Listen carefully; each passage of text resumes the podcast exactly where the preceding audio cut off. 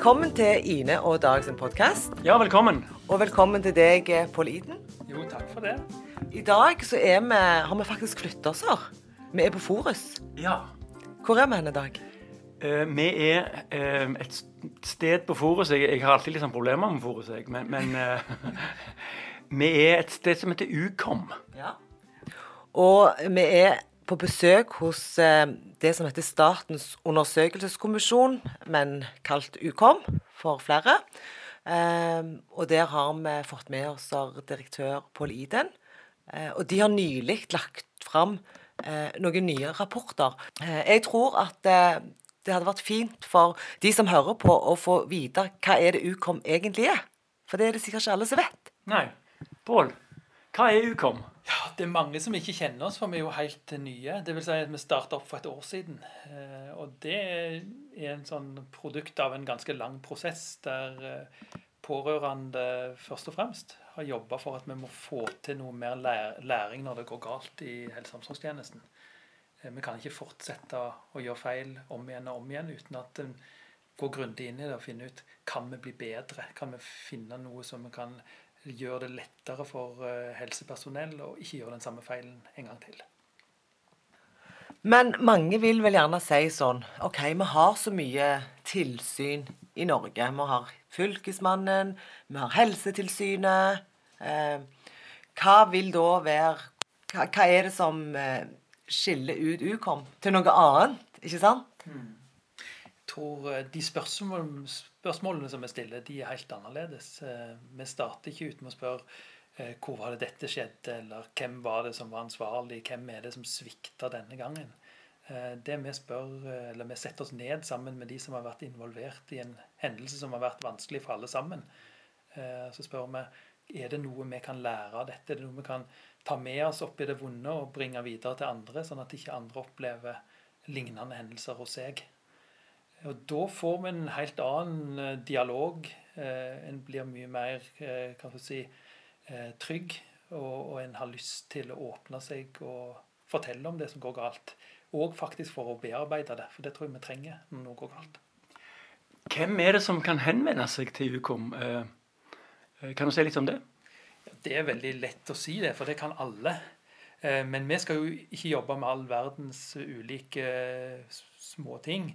Vi er satt til å undersøke de verste hendelsene som kan skje, nemlig når en pasient enten blir alvorlig skada eller dør, enten pga. en helsehjelp som en får, eller fordi en ikke har fått den hjelpen som en trenger. Altså de, de verste sakene. Mm. Eh, og heldigvis er det ikke så mange som utsettes for det. Så vi regner ikke med at det, vi blir nedringt av veldig mange, eller blir kontakta av veldig mange folk. Eh, men det er faktisk sånn at vi, vi mottar ca. 1000 ulike varsler og bekymringsmeldinger nå i året. Allerede første året vårt. Så her er det ganske mye å jobbe med. Men det er vanlig altså Du trenger ikke være profesjonell i helsearbeid. Du kan være en, en pårørende, f.eks. Ja, og, og, vi har jo vi har hatt flere kanaler. altså vi, vi, sitter jo og leser aviser og følger med på det som skjer. og ser er dette en sak eller et tema som vi bør gå inn og interessere oss for. Det er nå det ene. Og så får vi jo det som heter lovpålagte varsler, som, som er slik at når, når, noe går alvorlig galt, en pasient dør eller en pasient blir alvorlig skada, så skal både kommunene eller helsepersonell og sykehusavdelinger de skal da varsle dette til oss og til Helsetilsynet parallelt. Mm. Utenom det så har vi jo en, en, hjemmeside der folk kan gå inn og så kan de legge igjen en, en beskjed om en bekymring de har, eller en opplevelse de, de er kjent med eller har vært inn, involvert i sjøl. Enten de nå er helsepersonell eller pårørende eller en god nabo, eh, så kan de eh, si at her er noe som kanskje dere bør se på. Så vil vi gjør det sånn at alle de som sender sånne bekymringsmeldinger til oss, de vil vi ringe til og ta en dialog med for å høre er dette noe som vi skal se på. Er dette noe som kan være et viktig tema som mange kan lære av. Så, så det du egentlig sier, det er at både så, så, kan dere gå inn i det At dere kan oppdage ting sjøl via media, at dere ser ting, og i tillegg òg eh, bli direkte kontakta. Ja. Det er det jeg sier. Eh, og, og, vi har en sånn eh, hva skal jeg si, vi tenker at disse hendelsene de er et slags kikkhullsvindu inn i noe større. Og det er de typer hendelser vi, vi interesserer oss for. Eh, der det kan ha gått galt et sted, men dette er noe som er risiko for at kan skje andre steder òg. Så, så, noe av det vanskelige sorteringsjobben for oss, det er å se, se utover at denne saken er veldig vond og veldig vanskelig og, og en tragedie for de som har vært involvert her og nå, har de et tema ved seg som gjør at dette er noe som, eh, som flere bør få vite om for å forebygge. Altså en slags sånn systemsvikt, kanskje? Ja, system er et sånt ord som jeg ikke er helt sikker på om jeg er så veldig glad i. Eh, men jeg vil si, er det noe med måten vi har skrudd sammen eh, de, den helsehjelpen som vi yter, eller eh, dette helsevesenet vårt på, som, gjør, som gir økt risiko? Altså som er en fare for pasienter som henvender seg til oss eller faktisk òg en fare for de som jobber i systemene for at de skal begå feil, fordi dette systemet er skrudd feil sammen. Mm. Vi skal komme tilbake til de eh, rapportene litt seinere. Eh, men før det så, så, sa jo du OK, dere får gjerne 1000 henvendelser, ikke sant? Mm. eh, det der å plukke ut og vite hvorfor skulle vi gå inn i akkurat den, hvis, ikke det er noen, no, altså hvis en blir kontakta da, eh, kontra det at en tar initiativ sjøl til å gå inn i noe. Hvordan klarer en å sortere? Og jeg syns jo det var enormt mye med 1000 eh, bekymringsmeldinger, hvis jeg kan kalle det det. Men, ja. ja og, og, svært mange av disse hendelsene det dreier seg faktisk om, om uh, pasienter som uh, dør eller som uh, får alvorlig skade, som en tror at en i større eller mindre grad kunne ha forebygd ved å ha mer årvåkenhet eller ha en bedre måte å håndtere situasjonen på. Det vi gjør, er at vi, vi, vi avviser ingen av disse sakene. Vi samler disse sakene inn og prøver å sortere dem på tema.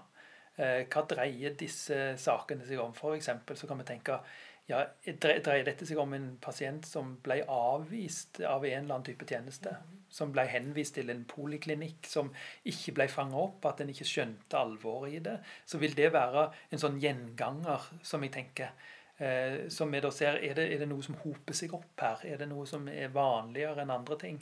Eh, er dette snakk om blødninger etter operasjoner, f.eks. Noe så, så, konkret som det? Er, det? er det noe som forekommer ofte? Eh, eller som en av de eh, rapportene vi nå la fram, så usannsynlig som det da høres ut. Altså folk som faller ut eller i, i fortvilelse kaster seg ut av vinduer i, i bygninger. Eh, er, er, det en fellesnevner? Er det, er det, noe som vi kan jobbe med som fenomen eh, for at det ikke skal skje igjen? Eh, og jeg tror noen, Det som vel er tilfellet med en del av disse sakene, er at det, det, skjer så sjelden på hvert enkelt sted at ingen ser på dette som en del av et større mønster, men tenker Oi, dette var uheldig at skjedde. Ja, det dette skjer nok aldri igjen. vi, vi var ikke flinke nok. Vi klarte ikke å passe godt nok på. Men så ser en på disse sammen, så ser en at ja, men dette skjedde jo der, eh, det skjedde der, og det skjedde der. Eh, så dette må jo være noe som vi må tenke litt større på.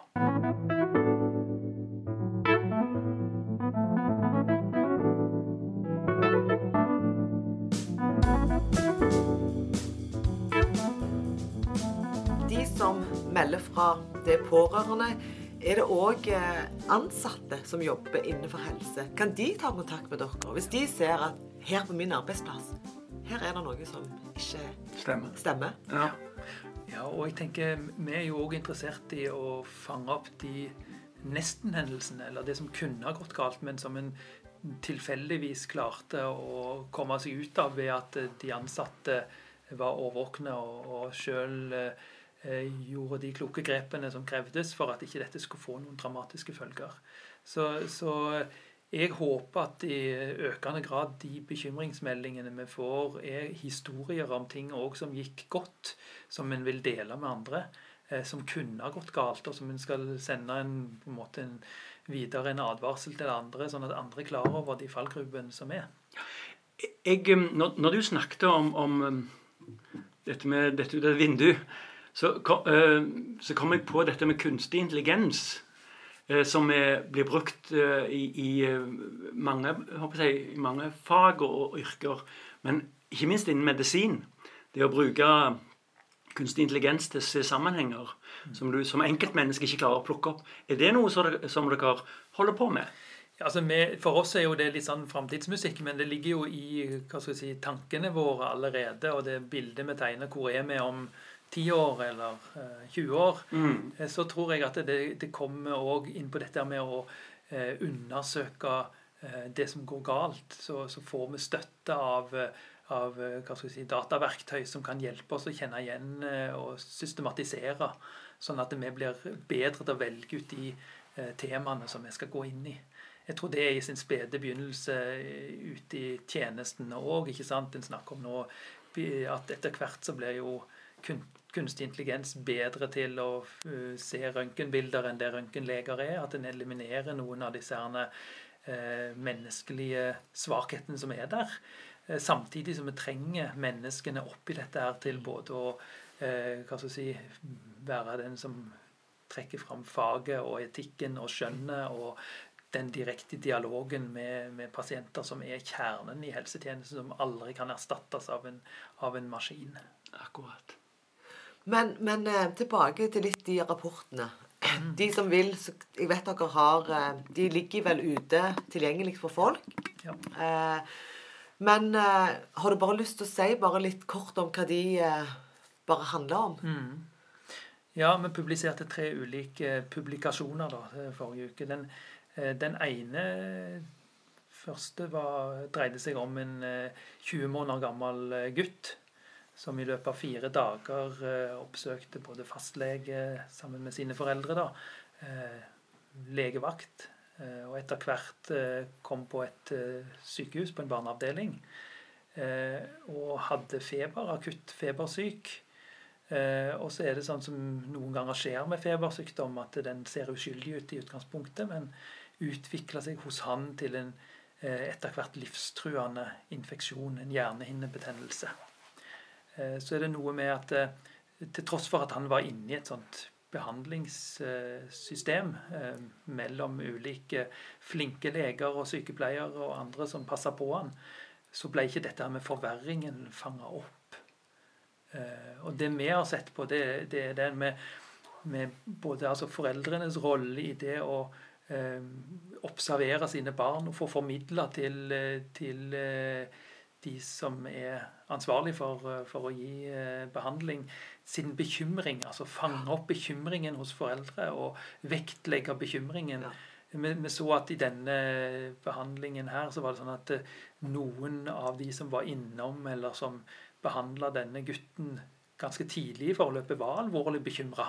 F.eks. en veldig bekymra fastlege og en, en bekymra sykepleier osv.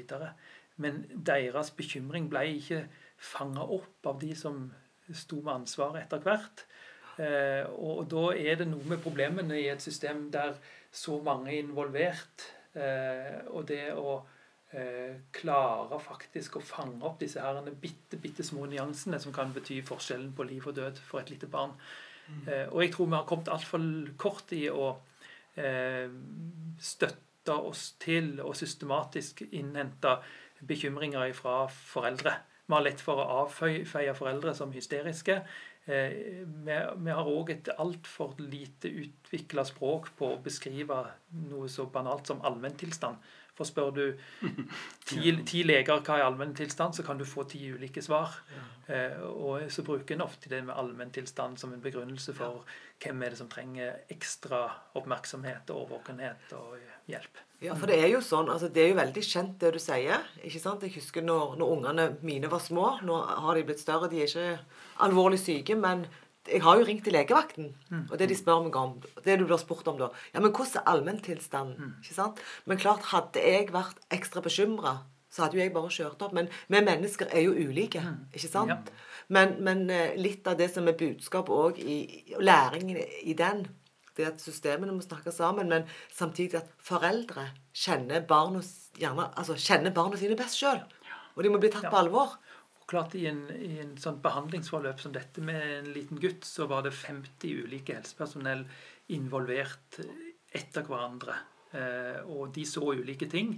Ja. Eh, Foreldrene fulgte hele veien eh, denne gutten. Eh, Og hadde en vært kanskje mer systematisk i, i det å spørre foreldrene om går det rette veien, eh, hva er det dere ser, er det, er det sånn gutten deres vanligvis er, Og så, videre, og så, videre, så kunne en fange dette bedre. Men jeg tror vi har ikke vært flinke nok til å, til å systematisere eh, de eh, gode observasjonene som foreldrene sitter med. Eh, Går det an å si at det er et slags helsedetektiver? For det minner jo litt om detektivarbeid. Ja, det gjør det. Og, og hva, hva si, vi har ikke så mange for Dette er nokså sånn internasjonalt nybrottsarbeid å drive med denne typen jobb Ja. på helsefeltet. Men vi henter inspirasjon fra eh, politiarbeid, fra arbeid fra ulykkesgranskere inn- innenfor trafikk, som mm. Flyhavarikommisjonen, eller luft- eller eh, Sjøhavarikommisjonen osv. For å se er det, er det noen sånn metodiske tilnærminger der som vi kan lære av. Og, og klart Skal vi si det med én setning, så er det faktisk å eh, snakke grundig med og åpent med og fordomsfritt med alle som har vært involvert. altså Få en, til en god og tillitsfull samtale. Eh, og få fram de undringene som, som de sitter med, de som har vært eh, involvert på, på et eller annet vis.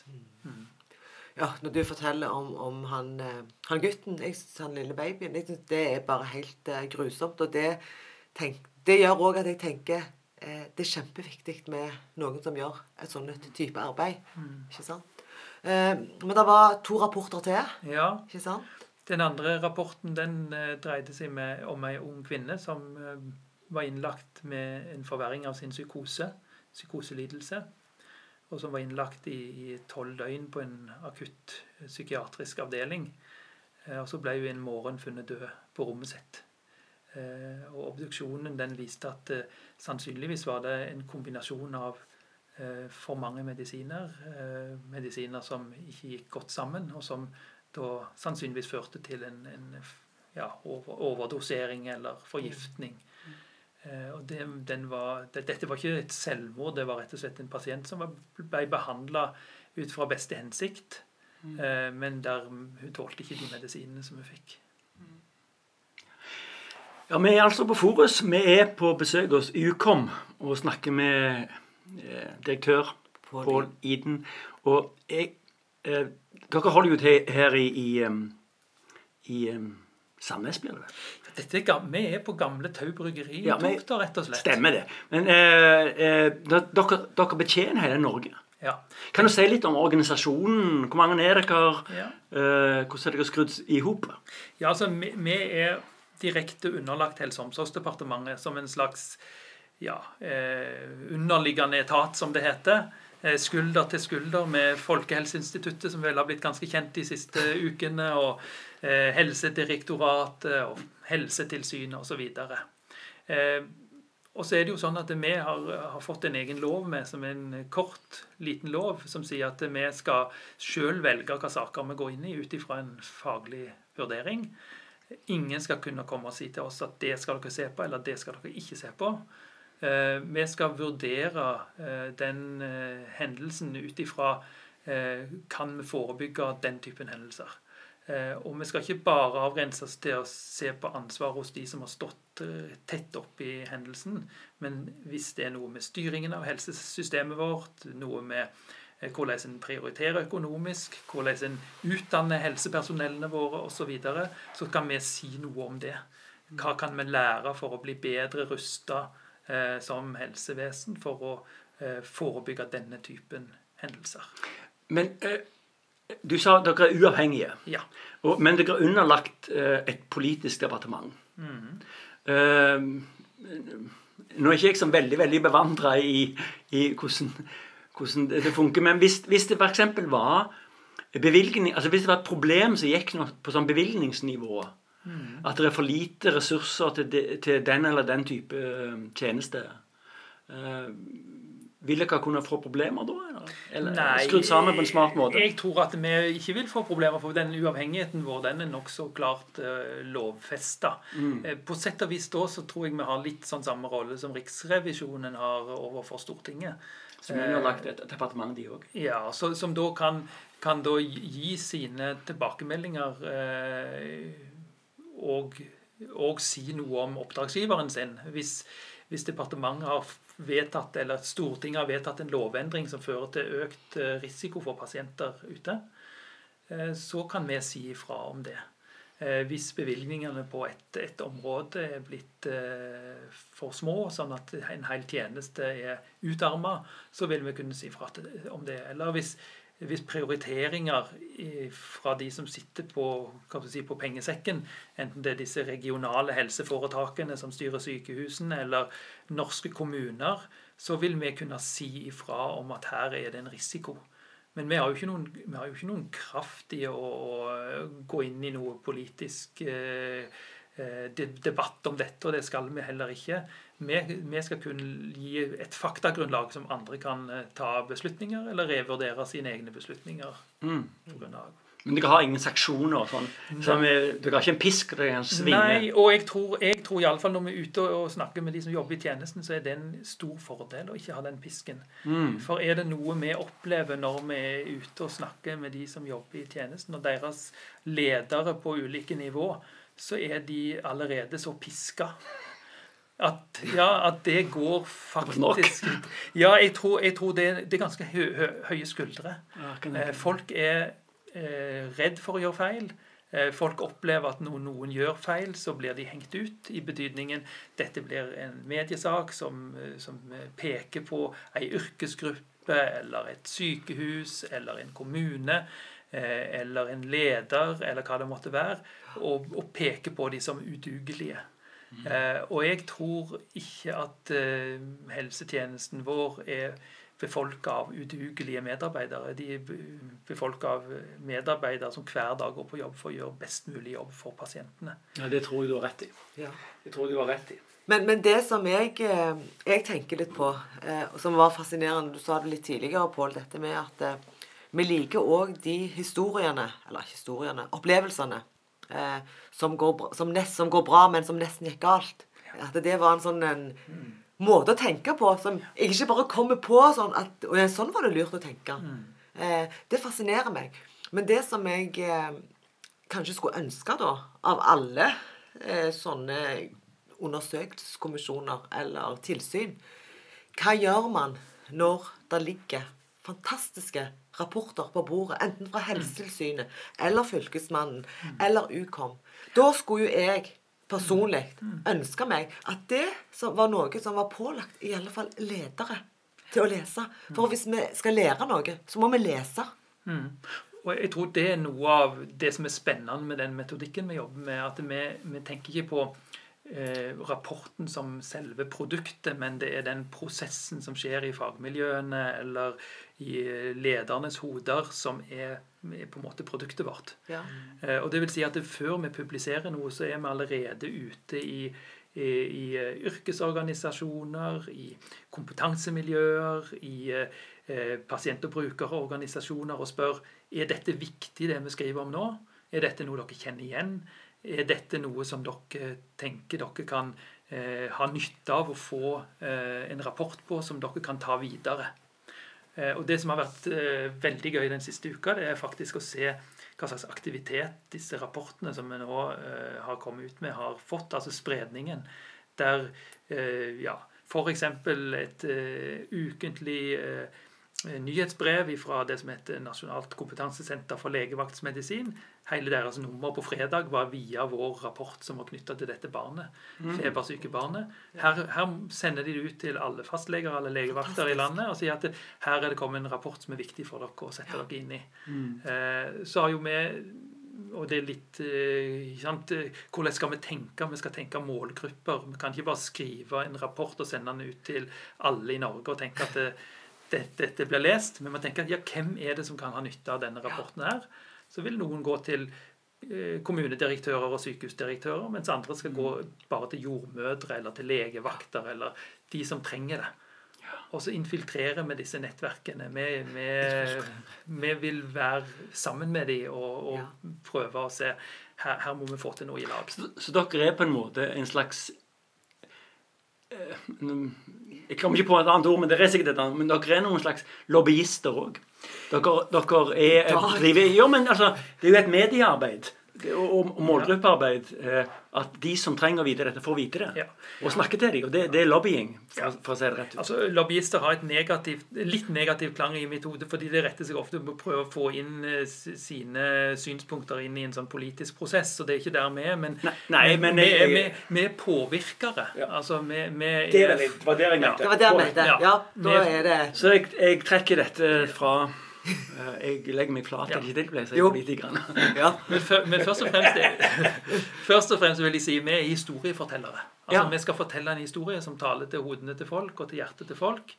Eh, og så skal vi nå fram med de historiene, sånn at de skaper refleksjon og sjølrefleksjon og, og endring og forbedring der det trengs, på alle nivå. For det er vel kanskje mer effektivt enn å sende eh, til Kreti og Pleti en rapport eh, som, som, eh, som de ikke Som du ikke selger inn, for å bruke det et ja. Jeg, jeg tror det ligger i, nede i skuff, skuffer til ledere rundt omkring i velferdstjenestene våre, så ligger det bunkevis med kjempegode rapporter.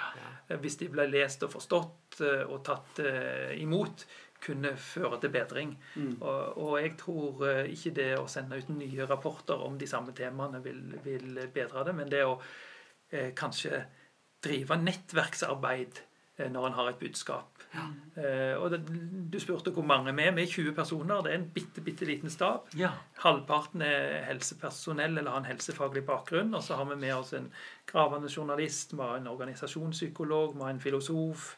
eh, Vi har ulike typer kompetanse, statsvitenskapelig kompetanse. Vi har en med utelukkende pasient- og brukererfaring som sin kompetanse. Og så tenker vi at da får vi en god del sånn perspektiv inn i dette her. Som, eh, og hver av disse medarbeiderne representerer òg noen eh, nettverk fra der de kommer fra. For det er folk med lang erfaring. Eh, som gjør at vi er en del av et større nasjonalt pasientsikkerhetsarbeid. Det er sånn vi ser på oss.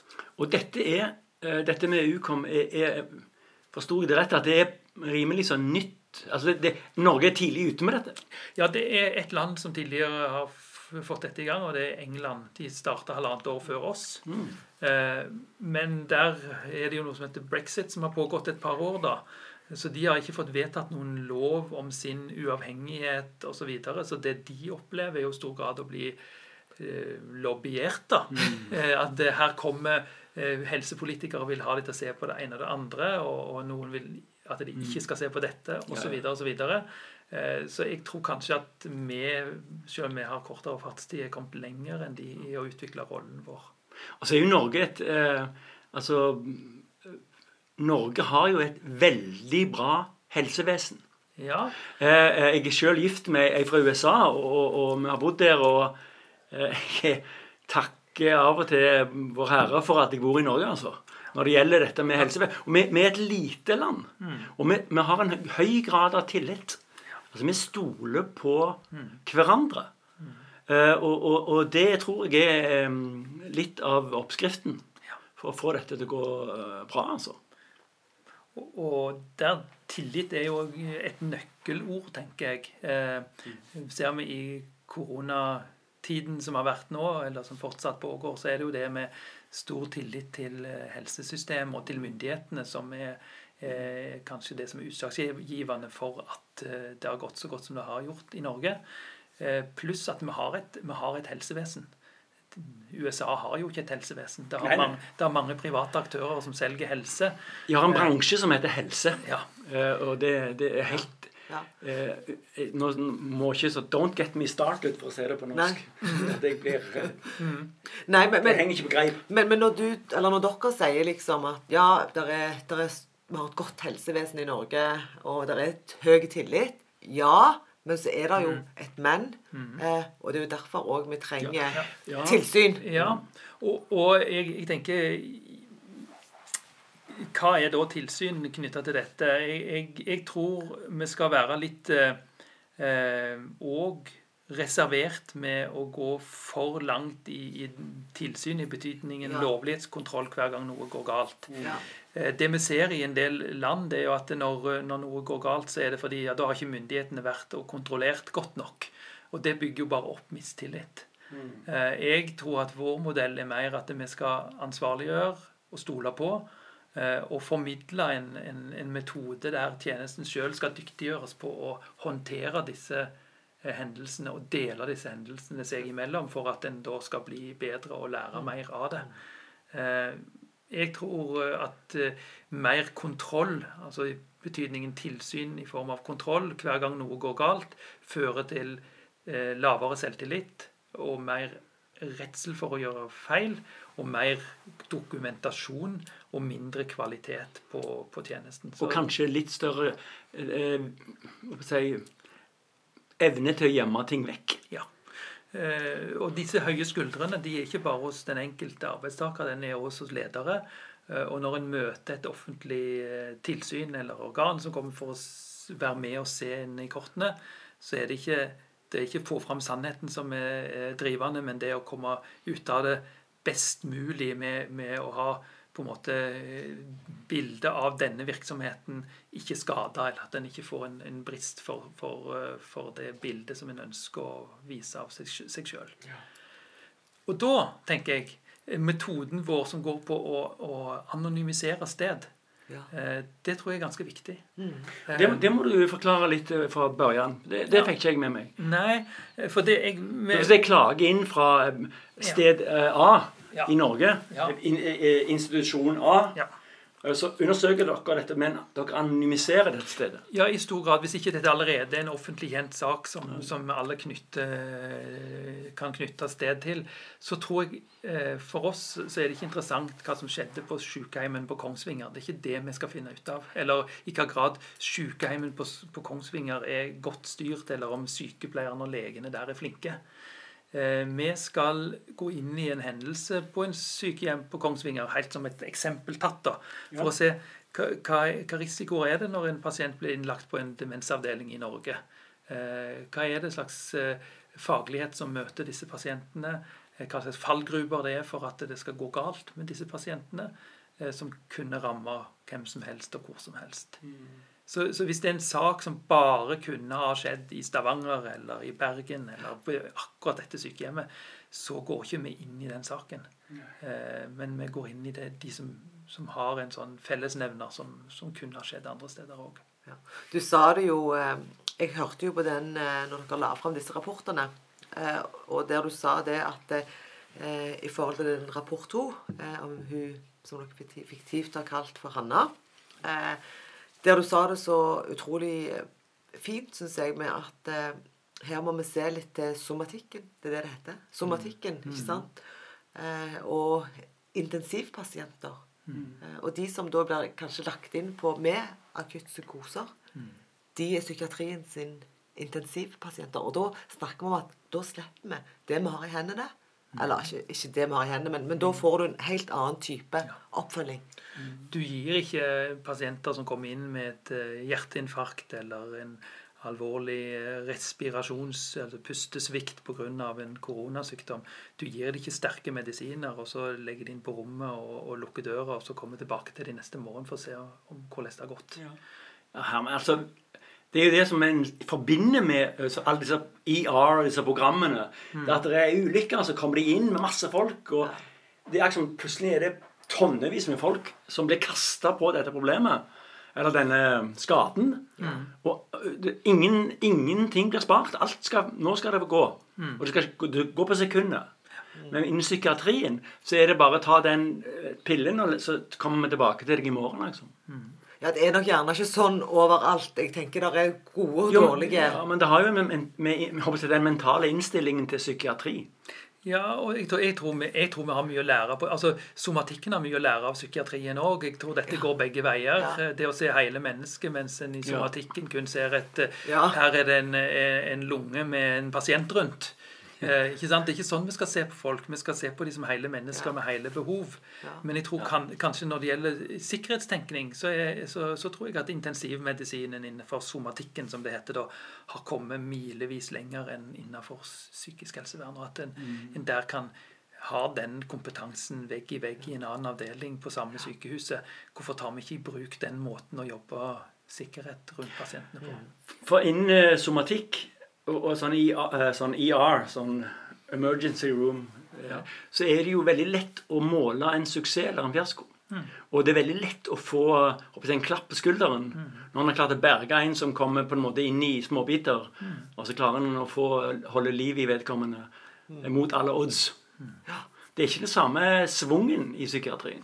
Nei, og jeg tror kanskje, kanskje vi kommer til å etter hvert å se litt annerledes på det hele. og se på, fordi vi tenker, vi tenker liksom at psykiatri er noe helt annet enn somatikk. Jeg tenker Kanskje vi skulle, skulle tenke at akuttmottak er for alle pasienter. Enten det er en nevrologisk lidelse eller er en, en infeksjonssykdom eller en hjerte. Og så må en ha de typene sikkerhetstenkning og teamtenkning rundt alle pasienter. Det er jammen ikke stor forskjell på en psykoselidelse og en epilepsilidelse som behandles i, i, innenfor uh, nevrologi, og, og psykoselidelsen havner innenfor for psykiatri fordi det handler om uh, oppførsel eller måten framstår på, atferd hos pasienten. Ja. Um, jeg tror vi har mye å lære av hverandre i fagene. Ja, det tror jeg òg. Men, men eh, du har jo vært med her helt fra starten. Eh, Du kom, som, du kom fra Ja. fylkeslegejobb. Nei, ja, jo, jeg har vært fylkeslege ja, eh, i ti år til sammen. Først i Telemark og så i Rogaland. Og så hadde jeg et intermesso på et par år der jeg jobba i Helse Vest eh, med overordna faglig styring av sykehusene i regionen vår. Eh, og så dukka denne kommisjonen opp, og så søkte jeg den, for jeg syns dette matcher så godt det som jeg har interessert meg for og Ja. jobba for over lang tid. Ja. Ja, så var jeg heldig og fikk den eh, jobben, og har nå brukt Jeg ble ansatt faktisk 1.6.2018, altså for to år siden, og har brukt det første året til å planlegge hvordan denne kommisjonen skal se ut og jobbe, og så få på plass folk. Ja. Så vi brukte det år to, da, fra i 1. mai i fjor, Ja. til å jobbe fram en metode, samtidig som vi har begynt med de første sakene for å eh, lære sjøl hvordan vi skal jobbe med det. Ja. Hvordan har det vært disse to årene da, Pål? det sånn Jobbmessig har dette vært det mest spennende, krevende, vanskelige, frustrerende og morsomme jeg har drevet med. Ja. Ja. Eh, og det var jo sikkert en veldig sånn fin dag å få lov å Altså når dere skulle få legge fram det Ja. arbeidet. Eh, det var som en Altså, ikke i bursdagen til Ukom, på en måte. Eller, Ja, det, det, var, det, var, det var muntlig eksamen og eksamensfest samtidig, tror jeg. Ja. Oppkjøring. Ja. Oppkjøring til Ja. eh, sertifikat. ja. Men, men eh, Og jeg ser jo òg at dere har fått veldig god omtale. Jeg, annet lederen i Stavanger Aftenblad. Jeg så det var en NRK-sak. Jeg, jeg tenker at det har fått mye blest. Eh, vi kan jo ikke liksom Dette er jo Bent Høie eh, under Helse- og omsorgsdepartementet. Og det har stått Jeg har lest i aviser at det liksom der er noen partier, bl.a. Arbeiderpartiet, som er eh, vil hele, legge ned hele denne kommisjonen. Ja. Eh, med begrunnelse den, som jeg har lest, at dette er for dyrt, og vi har så mange andre tilsyn. Mm. det gjør det at dere jobber liksom litt under usikkerhet for framtida. Jeg, jeg tror alle, enten en jobber i det offentlige eller det private, bør jobbe under en usikkerhet. Altså En må hele tida sette spørsmålstegn ved om eh, er det nyttig det en driver på med. Mm. Enten en er en eh, 400 år gammel eh, organisasjon som Fylkesmannen, eller eh, 100 år gammel eh, som, som Helsetilsynet, eller en ett år gammel organisasjon som vår. Ja. Så må en hver, hver, om ikke hver dag, så må en iallfall jevnlig stille spørsmålstegn. Er det, er det mening i det vi holder på med? Fører det til bedring, og, og, og oppnår vi formålet vårt? Gjør vi det ikke, så må vi justere kursen. Og hvis andre er så misfornøyd med det en holder på med, så er det ikke liv laga. Da er det ikke nyttig. Eh, og da tenker jeg at ok, da, da, da kan det hende at det er måten jeg har drevet det på som ikke er god nok, men, men da er det kanskje andre ting en skal bruke de midlene på, da. Ja. Men det er jo, det, altså, Uten å gå i detalj, men, det, men det er jo dere er jo en liten organisasjon. Ja. Altså Hvis en tenker på hele forvaltningen og helsevesenet i Norge, Eh, Så, så er dere jo Du sa 20 stykker ca. Mm, ja. Og, og, og det, det er jo ikke mye, det. Nei. Nei, altså Og så en veldig bredde. Det var jo veldig fascinerende med at det er som en, en gravejournalist og, og en eh, statsviter og en eh, jeg, en, Filosof? En tannlege, eller eh, Jeg vet ikke om det var tannlege. Det var vel kanskje ikke Nei, det var eh, sykepleiere, Sykepleiere, leger, ja, ja, ja. vernepleiere. Ja, Ja, ja. så det er varierende. Ja. men, men lang erfaring innenfor eh, sine fagfelt. Både innenfor faget og, og innenfor ledelse, vil jeg si, innenfor for helse- og omsorgstjenesten. Så Ja. Men, men jeg tenker jo, og jeg er sikkert ikke objektiv, men, men jeg i forhold til sånn som jeg tenker rundt mennesker, og dette her òg med rettssikkerhet i Norge, ikke sant Hva gjør vi? Eh, Hvor går vi når vi opplever at ting er vanskelig? Så jeg syns at det, det er veldig bra at vi har fått oppretta Ukom. Det er min personlige mening. altså, min personlige opplevelse etter den uka som gikk nå, så tenker jeg at ok, eh, en kan være eh, for eller imot, men, men jeg, jeg tenker det er to ting som, som iallfall varmer meg, da, for å si det sånn. Eh, det ene var blomsterbuketten vi fikk fra familien til den ene av de som vi omhandler i disse rapportene. Som opplevde seg forstått, eh, trodd eh, og formidla på en skikkelig vis. Samtidig som ingen av fagmiljøene sier at dette her er, er feil. altså Alle er på en måte enige om at dette med å avdekke ting som er viktige for de òg. Den andre er når vi ser og det, altså Få tilbakemeldinger eh, på via Facebook-tråder som, som sier at eh, vi har vært i kontakt med denne kommisjonen på telefon med vanskelige saker, og vi har blitt skikkelig møtt. Og Det tror jeg mye det det dreier seg om, å bli skikkelig møtt. Ja, og jeg ser jo òg at på, på sosiale medier og Jeg kjenner hun Tove Gundersen i Rådet for psykisk helse. altså der, Rapportene og ting fra når dere slapp dette her, har blitt delt enormt mye på, på sosiale medier. Så jeg tenker at det er godt kjent innenfor for fagfeltet òg på den flaten. ikke sant? For enten vi liker det eller ei, så skjer det mye på, på sosiale medier. Det gjør det. Ja. Men eh, før, vi, før vi avslutter, vi skal kanskje begynne å runde litt av eh, Til de som eh, lytter på oss, eh, har du noen råd til de, Pål, hvis de Ja, hva de skal gjøre hvis de, hvis de er veldig bekymra? Skal de bare ringe til, til Ukom? Ja. Vi vil jo aldri kunne være den som håndterer alle de sakene i tjenesten som, eh, som går galt, eller der ting bør rettes på eller endres. Så jeg tror jo først og fremst eh, det å være åpnere eh, som pasient og pårørende og sette, sette rimelige krav til den tjenesten en er på en måte del av og får i. Eh, og så tror jeg òg at eh, om vi yter helsehjelp enten på en sykehjemsavdeling eller på et avansert sykehus eller på et fastlegekontor, være mer nysgjerrige på å eh, se om det, det som en driver på med, eh, er det trygt nok?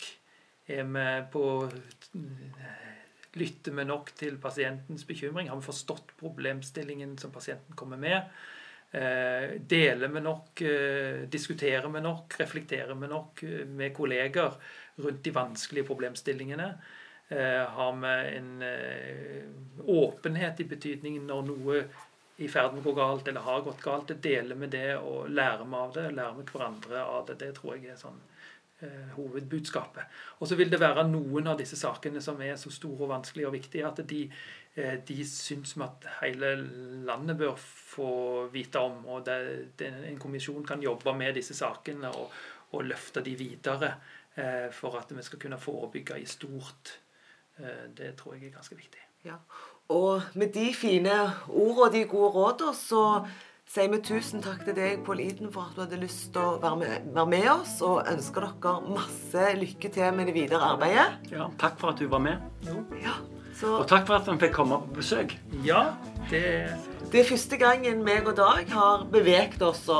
Ja, Vi er litt sjeldne, for vi er utenfor vår komfortsone. Ja. Vi podder ute av, ute av vår trygge base. Og det tror jeg vi er. Det, det skal vi utfordre oss på alle sammen hele tida. Ja. OK, takk for i dag. Ha det bra. Ha det.